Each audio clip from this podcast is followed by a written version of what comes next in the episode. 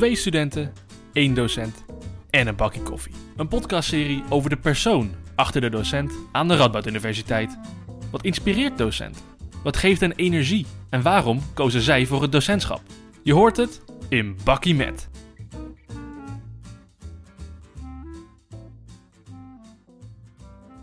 Vandaag drinken wij een bakkie eh, water, in dit geval, met universitair docent Saskia Glas. Saskia is docent binnen de studie Sociologie eh, en die heeft ze hier, ook hier aan de Radboud Universiteit zelf afgerond. Het promotieonderzoek van Saskia is gefinancierd door het eh, NWO, waar zij in aanmerking kwam voor de Talent Grant. En zij schreef haar onderzoek over vrouwenrechten in het Arabisch Midden-Oosten en in Noord-Afrika.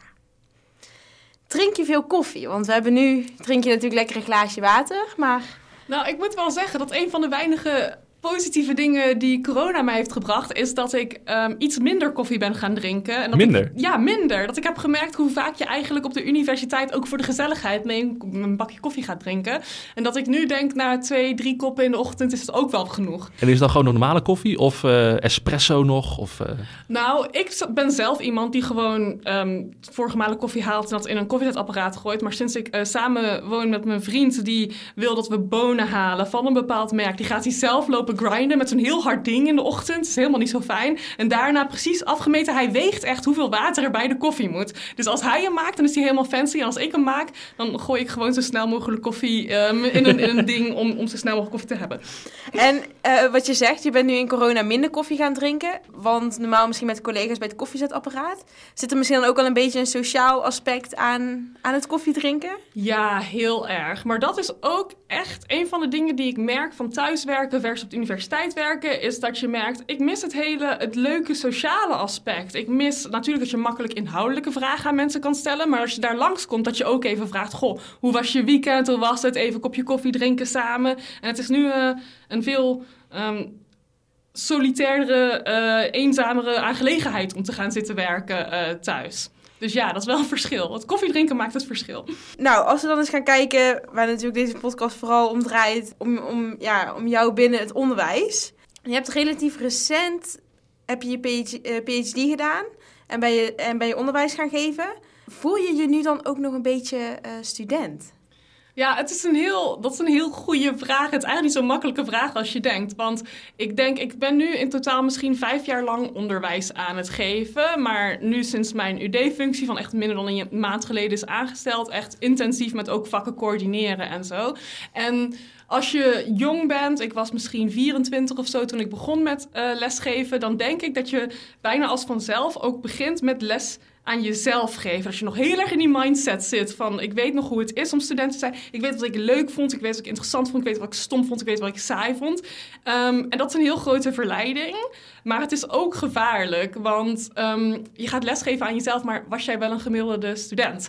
En vinden alle studenten hetzelfde? En is er, is er eigenlijk ook niet een heleboel bijvoorbeeld onderzoek... over hoe je eigenlijk les hoort te geven... wat misschien niet helemaal strookt met jouw ervaringen... maar wat wel ehm, gebaseerd is op wetenschap. Dus ik voel me aan de ene kant nog student in de zin dat ik denk me redelijk makkelijk het perspectief af en toe van studenten kan aannemen, omdat het kort geleden is. Maar ik doe het niet vanzelf meer, zeg maar. Soms dan. ehm, ehm, dan denk ik van, goh, waarom, waarom heeft nou niemand deze tekst gelezen? Ik vond hem zo interessant als docent. En dan moet ik echt nog even omswitchen van, oh ja, maar dat kan er ook mee te maken hebben dat ze voor gisteren een borrel hadden gehad met de studievereniging. Dus ik, ik, kan, ik kan het perspectief aanmeten, maar niet vanzelf. En denk je dat, dat het wel iets toevoegt, het feit dat je je toch nog een beetje kan inleven in die studenten? Dat is een soort van band misschien? Nou, ik, ik hoop van wel, natuurlijk. Ik denk dat het wel iets, toe, iets toevoegt. Maar misschien zou het voor iedereen, ongeacht leeftijd of wat je ook eerder hebt gedaan, iets toevoegen. Om in ieder geval te proberen om je in te denken van wat is het perspectief van de ander en van de eh, student. Want dan begrijp je ook beter als je weet van, oh, dit is hoe zij het zien, dit is wat voor hen aanscheelt. Dan los van of dat klopt of niet, dan kan je daarop inspelen, zeg maar. Dan kan je daaraan tweaken en daarmee aan de slag gaan in plaats van dat je inspeelt op wat jij als buitenstaander denkt dat er scheelt. Ja. En, en wat voor een student was je zelf? ik was zelf, eh, ik was zelf ehm, niet, niet de allerbeste student in de bachelor. In de master was ik, eh, was ik denk ik wel echt een, eh, een goede gemotiveerde student. In de bachelor, ik was de soort student die eigenlijk eerlijk gezegd wel naar colleges kwam, die dan wel weer interessant vond, maar eigenlijk nooit iets las of zo. Of dan, las, dan maakte ik de opdrachten die je moest inleveren, want anders kreeg je cijfer niet, maakte je het vak niet. Maar ik deed ook niet veel, veel extra. Als ik nu heel vergoeilijkend over mezelf zou spreken, dan zou ik zeggen: Oh, dat kwam omdat ik niet uitgedaagd was. Want je haalt alles met twee vingers in je neus, haal je een acht, dus waarom zou je nog iets doen? Maar dat is wel een, denk een beetje een kinderachtig perspectief. Dat is wel het perspectief wat ik toen had, maar nu denk ik meer van ja, maar je zat op een universiteit met zoveel vakken, met onderscursen, met mogelijkheden. En die heb jij zelf niet aangegrepen. Dus jij hebt jezelf ook niet uitgedaagd om er wel iets van te maken en wel iets leuks te doen. Uh, maar dat was mijn bachelor. En toen ik naar mijn master um, ging, toen werd het allemaal natuurlijk ook wat ingewikkelder, wat moeilijker, wat meer discussiëren, wat meer nadenken. En toen merkte ik in één keer, oh, ik vind het allemaal super interessant. Ik heb ook uh, tegelijkertijd twee masters gedaan die elkaar echt aanvulden. Eentje meer sociologie, eentje meer filosofie. Waardoor ik ook echt het gevoel had van, oh, ik kan hier iets mee en ik kan dit overstijgen en dit is interessant. En toen werd ik heel gemotiveerd en ging ik een heleboel doen en zo. Maar ik had echt die, die uitdaging nodig en ik vind het nu jammer dat ik hem niet mezelf eerder heb aangemeten. Vind je het wel belangrijk dat studenten dat bijvoorbeeld ook ervaren? Dat hele studentenleven naast het studeren? Denk je dat het aan, iets aan elkaar toevoegt? Ik, ik vind het sowieso heel belangrijk dat studenten het ervaren. En het, uh, een van de, van, de, van de groepen waar ik het meeste mee te doen heb in de coronatijd nou, zijn de eerstejaars bachelorstudenten of de masterstudenten die net aankomen van een andere opleiding naar een nieuwe stad, een nieuwe groep mensen die pas gaan studeren.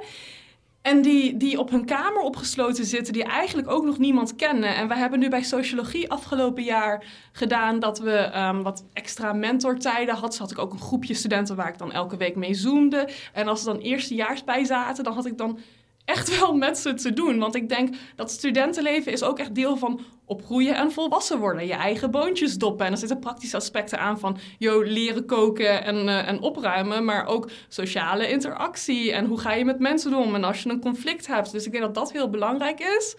Denk ik dat die algemene sociale opvoeding, dat het dan een heleboel toevoegt aan je studie. Nou, het helpt je wel beter te leren praten en interacteren en nadenken. Uh, vooral ook als je, zoals ik was, wel vaak zeg maar discussies had met mensen ook van verschillende, verschillende studies die dingen anders zagen, die andere dingen belangrijk vonden. Dat je wel dacht van, oh, maar dat kan je ook nog denken hierover. En nu kijk je het eigenlijk vanaf uh, een, ja, het eh, perspectief van de docent en van de onderzoeker. Wat maakt onderwijs nou zo leuk voor jou om te geven? Onderwijs, het heeft een heleboel, het heeft ook een heleboel frustrerende kanten. Maar de leukste kant, denk ik, van onderwijs is het, het proces van het onderwijs geven en het voor de klas staan en een klik hebben, zeg maar. Dus ik zou nou kunnen zeggen, wat ook heel leuk is, is als je gewaardeerd wordt door studenten. Als een student het veel beter heeft gedaan op een tentamen dan je had verwacht. En dat soort dingen, die zijn ook leuk. Maar het, het, het andere leuke zit er eigenlijk nog voor, dat je in de interactie met studenten, dat ze iets leren, dat ze aan de slag gaan, dat je bezig gaat, dat je denkt van, oh, deze connectie is er, ze begrijpen waarom ze dit doen, ze vinden dit leuk om te doen, ze hebben het gevoel dat ze iets hebben geleerd en ik zie ze ook echt vooruit gaan. Dat is het leuke. En het is super satisfying om gewoon voor één keer, als je, als je wetenschapper bent, ga je natuurlijk niet super snel, super veel. Um, heel grote stappen zetten in dingen die af zijn. Nooit is iets af. Maar als, als docent kan je echt denken van... oh, dit kleine stapje hebben ze gezet in een leerproces. Dit is af. En dat is gewoon een heel satisfying gevoel. Ja. En heb je zelf als student zijnde... Uh, had jij zelf door bijvoorbeeld dat je die stapjes zette? Of denk je dat het nu als docent dat je dat veel makkelijker kan zien. Dat de studenten zelf misschien niet zo doorhebben. Ja, ik denk eigenlijk heel. Ik wil niet voor iedereen spreken hoor. Want er zijn sommige studenten die echt super zelfreflexief en zo zijn, dat allemaal al weten. Maar ik als student had echt niet echt door van. Ik was veel meer, vooral ook in de bachelor, zo tegendraads van. Ik weet niet waarom ik dit doe. Of wat heb ik er nou bij geleerd. Of wat is het nut. Terwijl je als docent zie je echt veel beter. Want je ziet zelfs ook dan studenten. En dat begrijp ik dus ook echt vanuit het perspectief wat ik ook had. Van waarom doen we dit nou? Wat is het nut hiervan? Bijvoorbeeld. Um, afgelopen jaar was er een essay waar de tweedejaars bachelorstudenten moesten schrijven. En dat moesten ze nog voor een deel in groepjes doen. En dat ze zeiden, en dat begreep ik ook helemaal, van ik wil een essay alleen schrijven. Waarom moet het nog in een groepje? Ik ben nog niet zo ver. En als je dan als docent merkt van nee, nee, nee, jullie groepsinteractie helpt jullie allebei echt vooruit. Ik zie dat. Ik begrijp dat het niet leuk is. Niet iedereen vindt samenwerken altijd leuk, maar het helpt jullie wel vooruit. Ik wil net zeggen, echt vaak zijn de groepsprojecten de meest frustrerende dingen waar je tegenaan gaat lopen tijdens je studententijd. Oh, zeker. En uh, je zei het ook, er zijn nog heel veel, heel veel frustrerende dingen. Kan je wat voorbeelden noemen? Over het algemeen is het frustrerend als je merkt dat er die connectie met studenten mist. Dat je merkt van ik sta voor een groep die um, niet doorheeft wat we, wat we hier aan het doen zijn. Die het ook niet wil doen, die ik niet heb weten te motiveren, die ik dat niet heb weten laten inzien. Ik sta hier voor een groep die um, niet vooruit gaat. En misschien, um, dit, is een, dit term die ik laatst van een student heb geleerd. Misschien kan ik ze wel een oprotsesje geven. Maar dan, maar dan weet ik niet of ze het echt uh, zover de skills hebben geleerd die, die, die, ik, die ik denk dat ze wel hadden kunnen leren als deze connectie beter was. Um, en als je dan zeg maar al op de, op de verkeerde voet begint met een, met, een, met een klas, dan is het heel moeilijk om dat weer terug te trekken. Dus dat is heel frustrerend. Dat je denkt van, oh, dat ene, die ene werkgroep, die ene eerste werkgroep, die ging niet goed. En dan moet ik het maar weer proberen om terug, terug te halen, zeg maar, om het weer interessant te maken. Om het weer, dat, dat is het frustrerendste. Ja, je bent natuurlijk, wat we net ook al besproken, je staat nog, je bent jong nu je voor de klas staat. Zie, hè, en dat je jezelf misschien soms ook al docent voelt en, of uh, student voelt. En uh, dat je zegt van hè, het is altijd goed om je te kunnen verplaatsen in. Um, heb je op dit moment ook wel het idee dat het in je voordeel werkt? Dat, um, dat je daardoor misschien voor studenten makkelijker te bereiken bent misschien? Of hè, dat, dat er misschien toch meer een brug is tussen jou en de studenten? Dat die afstand kleiner is? Ik denk echt oprecht het eerlijke antwoord is dat ik denk dat er zowel tegelijkertijd heel grote voordelen als heel grote nadelen zitten aan een uh, jonge uh, vrouwelijke docent zijn die daar voor de klas gaat staan.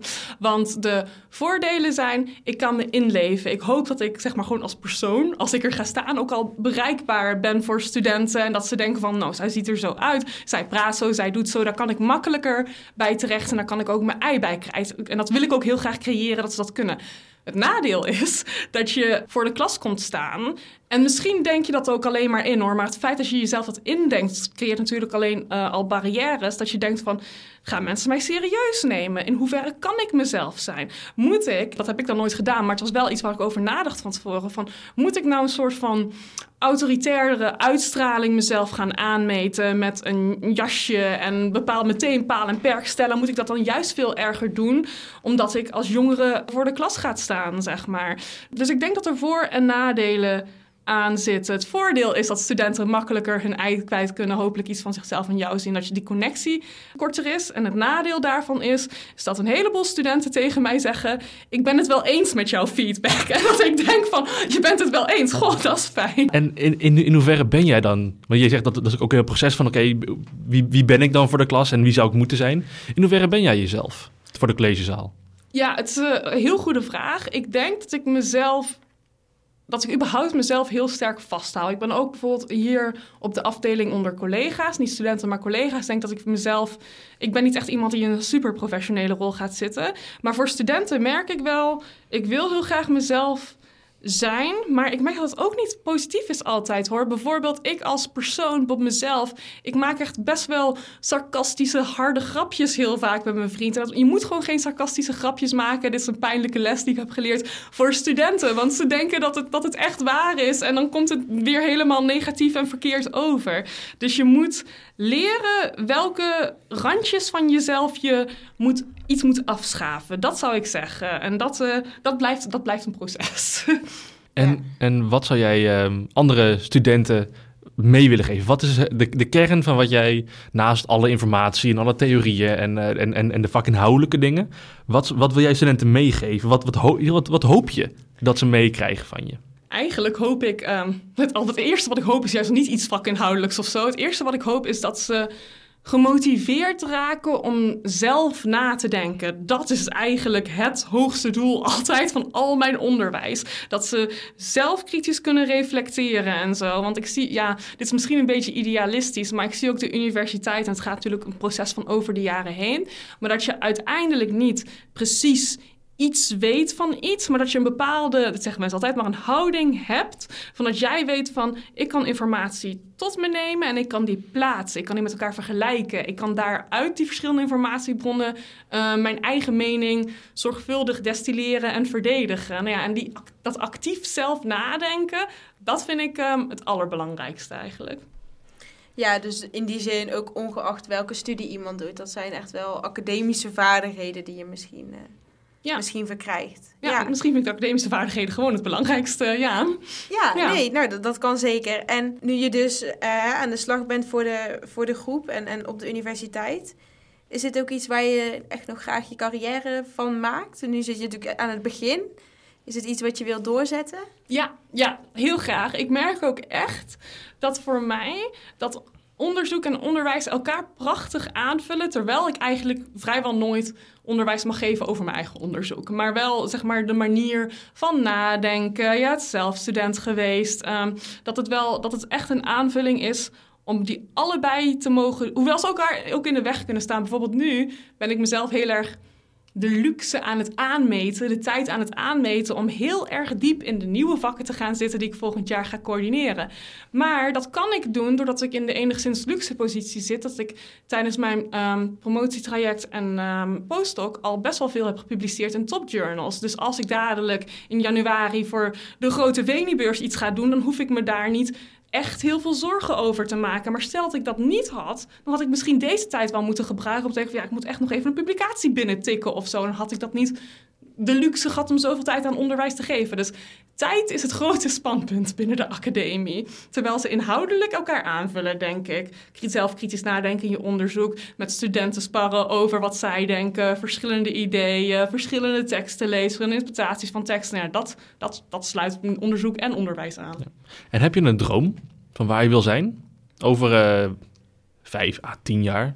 Ik ben echt iemand die daar eigenlijk niet echt mee bezig ben. Ik ben echt iemand die er ook in is gerold. Zeg maar, ik ben nu hier. ehm, ik heb nu mijn AIO-traject gedaan. Omdat ik werd aangesproken in de master. Van goh, je hebt genoeg, genoeg cijfers voor deze beurs. Zou je dat willen doen? Ik ben mijn postdoc gaan doen op dezelfde plek. Omdat ik het gewoon gezellig vond en een goede afdeling vond. En toen kwam er een UD-plek vrij. En toen kon dat ook. Dus ik ben niet iemand die heel duidelijk één ding voor zich heeft. En ik heb al helemaal niet iets van... oh, ik moet op die prestigieuze universiteit zitten of zus. Maar wat ik wel heb, is dat ik gewoon wil... ik wil leuk les kunnen blijven geven aan studenten... en daar de vrijheid in hebben om dat te doen. Daar enigszins genoeg tijd voor hebben. En daarnaast wil ik mijn eigen onderzoek doen... uitdiepen en verder gaan... en samen kunnen werken met verschillende mensen. Nou ja, daar zit ik nou gewoon heel goed voor eigenlijk. Dus dat, die, die vage omschrijving, dat wil ik houden. Maar niet iets specifieks. Nou, ik denk dat dat ook een, een heel mooi toekomstdoel is. Dat je ook geen droom per se hoeft te hebben. Hmm. Ik denk ook dat dit eh, een mooie is om mee af te sluiten. Super bedankt dat je hier wilde zijn, dat je tijd wilde vrijmaken en, eh, en heel veel succes. Dankjewel.